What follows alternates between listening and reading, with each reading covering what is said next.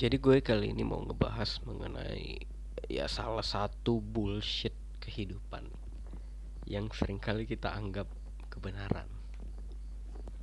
Yaitu bahwa ketakutan adalah sumber keselamatan.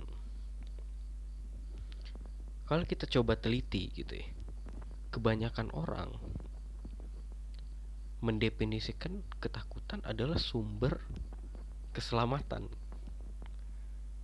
Makanya kebanyakan orang bikin rencana, bikin backup plan dan segala macem. Mereka pikir ketakutan itu uh, yang diekspresikan dari rencana-rencana itu, itu itulah yang akan menyelamatkan mereka. Menurut gua secara pribadi nih dan berdasarkan pengalaman yang gue alamin itu sama sekali bukanlah sumber dari keselamatan dan ketenangan gitu. Bukan sama sekali bukan. Orang sering kali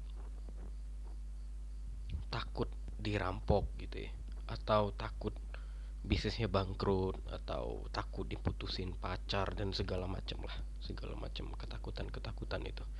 Tapi anehnya ketika ketika kita benar-benar mengalami apa yang kita takutkan ternyata nggak semenakutkan itu loh. Anehnya nih. Jadi gue cerita dikit ya mengenai pengalaman gue gitu mengenai ketakutan itu. Gue ceritain ada dua kisah nih. Jadi suatu ketika di tahun 2018 waktu gue masih kuliah di akhir semester sebenarnya udah udah nggak kuliah lagi sih. Tinggal nunggu wisuda aja. Jadi suatu ketika gue tuh bertiga sama temen gitu ya. Ngopi lah di salah satu cafe di Palembang gitu ya. Nah jadi ya singkat cerita kita selesai ngopi itu sekitaran jam 12 malam kalau nggak salah. Pokoknya tengah malam tiba-tiba temen gua yang barengan sama gua nih dia tuh pengen pulangnya tuh lewat satu jalur gitu. Satu jalur yang yang harusnya itu berlawanan gitu loh yang berlawanan dengan jalur kita pulang ke kosan gitu. Dia dia ikutin feeling dia aja gitu. Dia pengen aja loh sana. Ya udah kita ikutin kan. Nah tiba-tiba dia ketemu temen dia gitu yang akhirnya nantinya jadi temen gue juga gitu. Nah jadi dia dia ketemu temen dia gitu ya. Saat itu yang ngobrol-ngobrol dikit gitu. Terus dia bilang gitu ada adik temen dia gitu yang katanya berdasarkan info dari temennya temen dia ini tadi gitu kena begal gitu. Kena rampok atau kena apalah pokoknya lagi di sandra preman lah saat itu gitu loh. Kita bertiga gitu entah kenapa gitu ngerasa terpanggil aja gitu untuk menyelesaikan permasalahan itu. Ya kalau dipikir-pikir ya gue bukan orang jag orang yang jago berantem atau orang yang gimana gitu ya bukan bukan bukan seperti itu kedua teman gue juga nggak seperti itu. Tapi ya kita pengen aja nolongin gitu. Kita ngerasa terpanggil aja. Singkat cerita gitu kita ngobrol-ngobrol dikit sama si temennya temennya temen gue itu yang adiknya. Katanya kena begal tadi. Jadi ya dia dia ngomongnya oh dia beg, dia begalnya di sini sini sini segala macam. Singkat cerita gitu ya. Singkat cerita kita akhirnya menuju ke lokasi yang disebutkan si cewek itu. Saat itu kita berempat kan. Kita berangkat berempat ditambah temennya temen gue tadi yang yang yang itu tadi kan yang yang ketemu tadi kan. Nah jadi ke ke lokasi itu. Tapi kita kita berempat tuh saling bertatapan aja gitu. Gimana nih ini masuk sarang preman nih. Bandit semua nih sedangkan kita berempat gimana nih cara-cara menyelesaikannya gitu? Gua nggak tahu kenapa saat itu ngerasa kayak gue terpanggil gitu ya gue tergerak sendiri akhirnya gue sendirian nyamperin sekelompok preman. Itu yang mungkin kalau gue hitung itu jumlahnya ada kali ya 20 orang. Tapi terpisah gitu loh. Kayak dia dia duduk di tempat A ada tujuh orang di tempat B ada lima orang gitu deh gitu gitulah tapi dalam satu kompleks gitu. Sebuah taman kota lah di Palembang.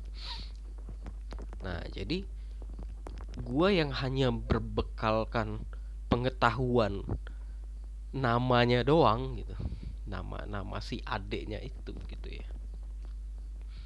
Nekat aja gitu nekat aja nyamperin preman itu mau nanya gitu ada nggak lihat si si anak ini gitu. Nama nama namanya itu Alwi gitu. Gue mikirnya itu saat itu cewek gitu karena apa namanya si si si temennya temen gua tadi gitu ya yang yang ngomong adiknya kena begal tadi dia cewek gitu. Gue pikir cewek juga.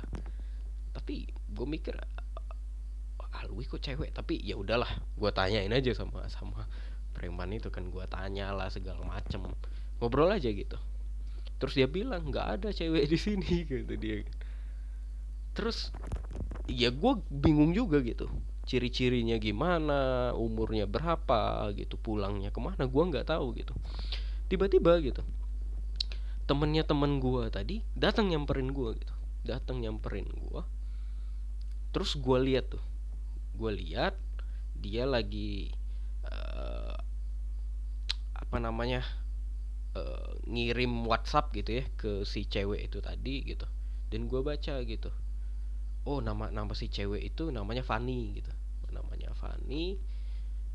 Terus gue lihat dia pakai baju hitam dari chat itu kan. Jadi temen gue tuh nggak sempet bilang ke gue gue tiba-tiba aja ngelirik WhatsAppnya dia terus gue langsung ngomong aja gitu ke si preman itu tadi. Gue bilangin namanya Alwi dia pakai baju hitam nama kakaknya itu ya namanya Fanny gitu. Terus tiba-tiba dia bilang oh ini anaknya gitu. Tiba-tiba ya yang ngobrol ngobrol aja gitu kan. Oh rupanya singkat cerita ada kesalahpahaman gitu loh. Rupanya si anak itu bukan kena begal tapi rupanya si preman-preman itu yang nyelamatin si anak itu dari uh, apa namanya penghakiman masa gitu karena si anak ini dituduh copet gitu. Karena waktu dia jalan nih jalan balik dari nonton ya nonton bioskop gitu ya. Dia jalan kan sendirian mau pulang gitu ya. Rencana dia tuh mau nyari uh, ojek online lah. Tapi tiba-tiba ada copet gitu. Ada copet yang ngelemparin tas ke depan dia. Di rupanya di belakang dia tuh ada ada ada orang ngejerin gitu dia panik kan. Akhirnya dia digebukin masa saat itu dan akhirnya si preman-preman inilah yang nyelamatin dia gitu. Kalau enggak dia hampir dibakar masa gitu loh. Karena memang ya situasi di sana saat itu memang lagi panas gitu. Ya seperti itu. Jadi di situ kan kalau kita lihat gitu ya prosesnya gitu ya. Rupanya apa yang kita pikirkan itu ketika kita jalani gitu ya. Katakanlah ketakutan itu tadi. Ketika kita jalani dan kita berada di kondisi realnya gitu nggak semenakutkan itu kok. Yang ada di bayangan kita kan ya preman-preman itu yang akan wah gimana gimana gitu ya. Walaupun memang waktu gua mau minta si anak itu balik mereka ya mintalah rasa terima kasih gitu ya minta beliin anggur merah gitu ya ya udahlah kita beliin aja gitu rasa terima kasih aja gitu. Sehingga cerita si anak itu selamat gitu. Nah jadi balik lagi ke konteks ketakutan itu. Rupanya uh, ketakutan itu bukanlah sesuatu yang membuat kita selamat loh. Malah ketika kita terlepas dari ketakutan malah semuanya itu jadi aman gitu. Anehnya gitu ya. Dan dan itu gue nggak tahu gitu. Gue nggak pernah mengalami situasi seperti itu. Baru pertama kalinya tiba-tiba ya let it flow aja gitu. Tiba-tiba situasinya menjadi positif anehnya gitu ya. Awalnya itu kita tuh yang ngerancanain mau bentrok sama premannya nanti premannya gini gini gini kita yang bawa sajam segala macam gitu. Mikirnya kayak gitu waktu diskusi kan buat nyelamatin si anak itu. Rupanya nggak kayak gitu situasi yang terjadi pada akhirnya gitu. Aneh ya gitu ya. Ini kejadian pertama. Terus yang kedua suatu ketika oh, masih di masih di kota yang sama ya masih waktu gue di Palembang nih.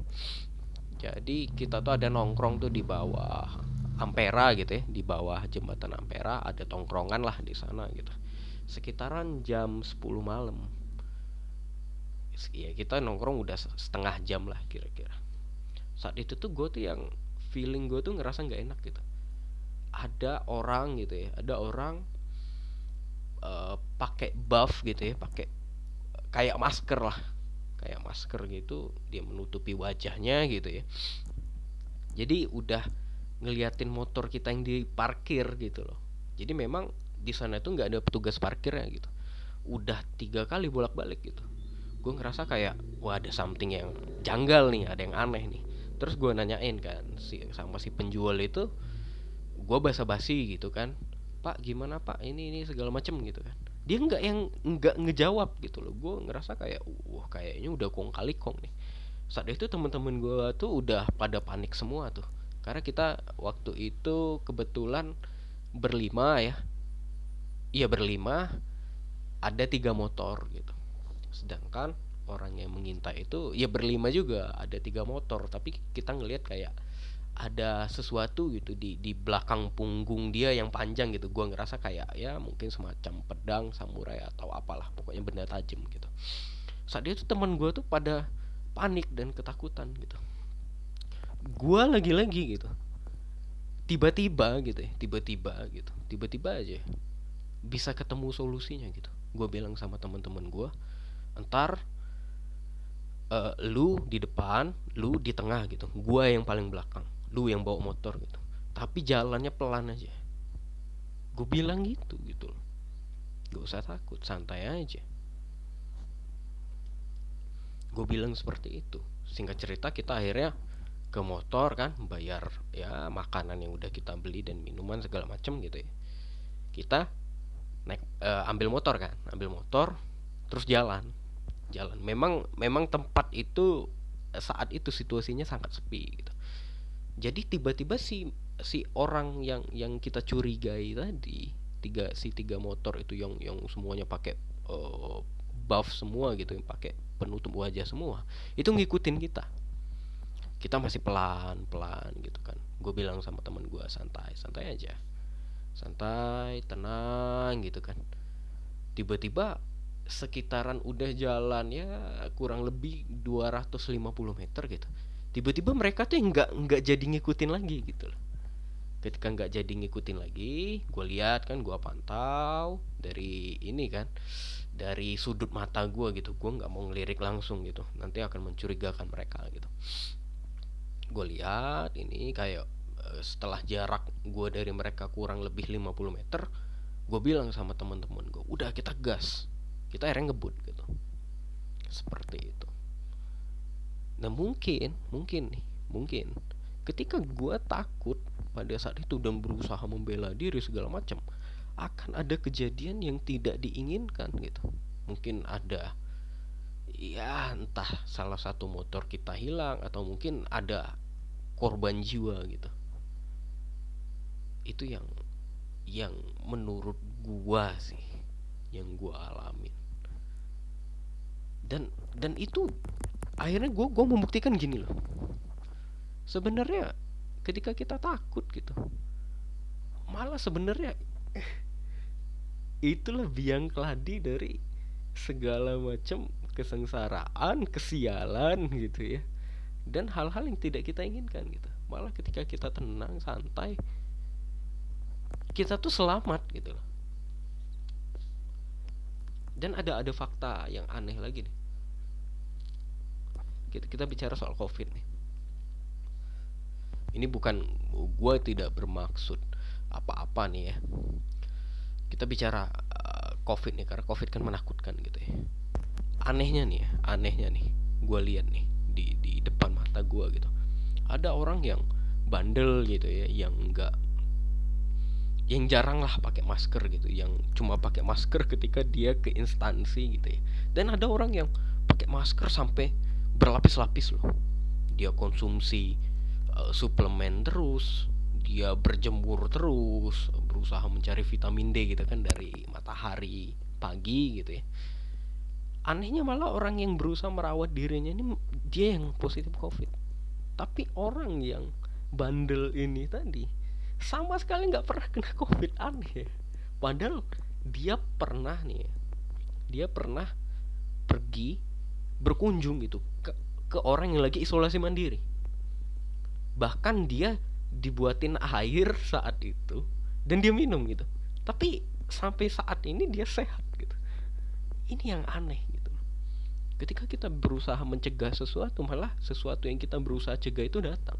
Tapi ketika kita tenang gitu bukan berarti nggak waspada gitu ya. Kita kita waspada juga tapi nggak terlalu ekstrim takutnya gitu. Malah kita yang selamat gitu malah kita yang sehat-sehat aja gitu.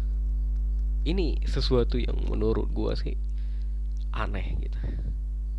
Yang yang mungkin akhirnya dari pengalaman dan kejadian yang benar-benar gue alami dan gue observasi gitu di lingkungan gue gue akhirnya menilai bahwa ketakutan itu bukanlah sumber dari keselamatan malah sumber dari malapetaka menurut gue karena ketakutan itu akan menimbulkan segala macam pikiran-pikiran negatif membuat kita membuat kita tuh menggambarkan citra citra mental gitu ya atau gambaran pikiran lah katakanlah seperti itu untuk melakukan pencegahan, untuk menganalisa kemungkinan terburuk dan segala macam gitu. Yang akhirnya membuat kita tuh panik dan akhirnya kita tuh nggak total menjalani hidup gitu. Kita di, dikontrol oleh ketakutan kita sendiri gitu. Bahkan kita takut terhadap ketakutan gitu, ketakutan yang berlapis. Ini yang menurut gua terjadi di masyarakat pada umumnya iya di kebanyakan orang terjadi gitu.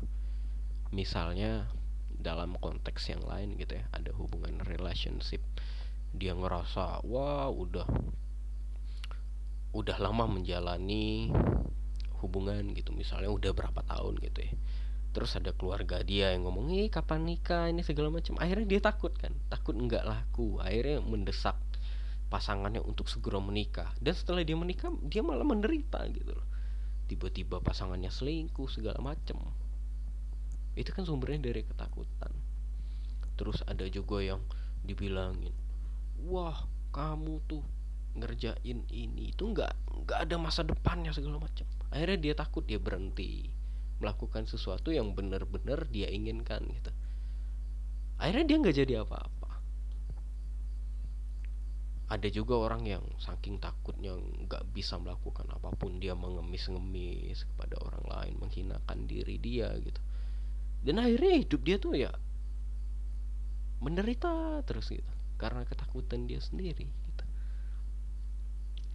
Itu sih menurut gua ya. Mungkin ya rada abstrak lah ya apa yang gua jelaskan gitu. Tapi menurut gua ini sesuatu yang penting yang melengkapin episode gue sebelumnya gitu. Gue harap teman-teman sekalian bisa mencerna apa yang gue maksud gitu. Karena gue spontan nih tiba-tiba uh, gue mendapatkan poin ini dari baca sebuah buku gitu ya. Gue ngerasa kayak wah ini ini poin yang bisa melengkapin uh, episode sebelumnya gitu. Menurut gue seperti itu. Dan memang dampak dari ketakutan itu luar biasa loh. Ke dalam diri kita gitu. Entah uh, melibatkan cara kita memandang sesuatu cara kita merespon.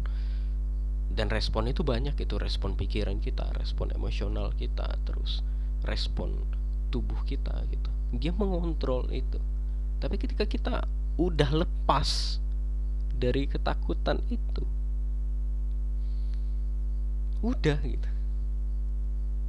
Dia nggak semenakut dia nggak semenakutkan itu gitu loh. Ya ah, ya seperti itulah sih yang gue alamin gitu ya. Dan banyak kejadian yang hampir membuat gue mati gitu. Ketika gue di posisi itu nggak semenakutkan itu dan anehnya gue ma malah ngerasa kayak itu sesuatu yang yang sangat berharga bagi gue itu itu itu sesuatu yang bagi gue tuh blessing gitu. Membuat gue tuh lebih jernih memandang kehidupan dan akhirnya gue lebih bersyukur gitu. Gue bersyukur bukan karena gue takut mati atau gimana enggak. Gue bersyukurnya karena gue mengalami pengalaman itu yang mungkin nggak semua orang alamin gitu dan akhirnya gue bisa terima itu sebagai sebuah pengalaman hidup yang mewarnai hidup gue gitu. Selain memang ada poin-poin penting yang akhirnya meningkatkan kesadaran gue dan cara gue melihat sesuatu. Ya gitu sih kira-kira yang bisa gue bahas kali ini yang mungkin bisa membantu teman-teman. Balik lagi ya mungkin ya rada abstrak lah tapi ya gue sekali lagi minta maaf ya kalau memang episode kali ini ya agak ngelantur gitu ya karena gue ngerasa ini ini sesuatu yang penting gitu. Ya balik lagi ke teman-teman sekalian lah. Kalau misalkan memang teman-teman sekalian bisa mencernanya mungkin sesuatu ini buat teman-teman sekalian. Kalau enggak ya mungkin episode ini bukan buat kalian pahamin gitu. Tapi cuman buat kalian nikmatin ya gitu aja sih. Oke okay, see you ya di next episode yang mungkin gue nggak tahu akan bikin kapan gitu karena gue spontan aja. Dan sorry nih sekali lagi gue gue mengucapkan maaf gitu ya karena ya podcast gua sekarang dengan format baru ini tanpa editing sama sekali. Ya jadi kalau ada ngomongnya yang belibet atau gimana gitu ya atau gua rada ngeblank gitu ya ya maklumin aja. Oke ya see you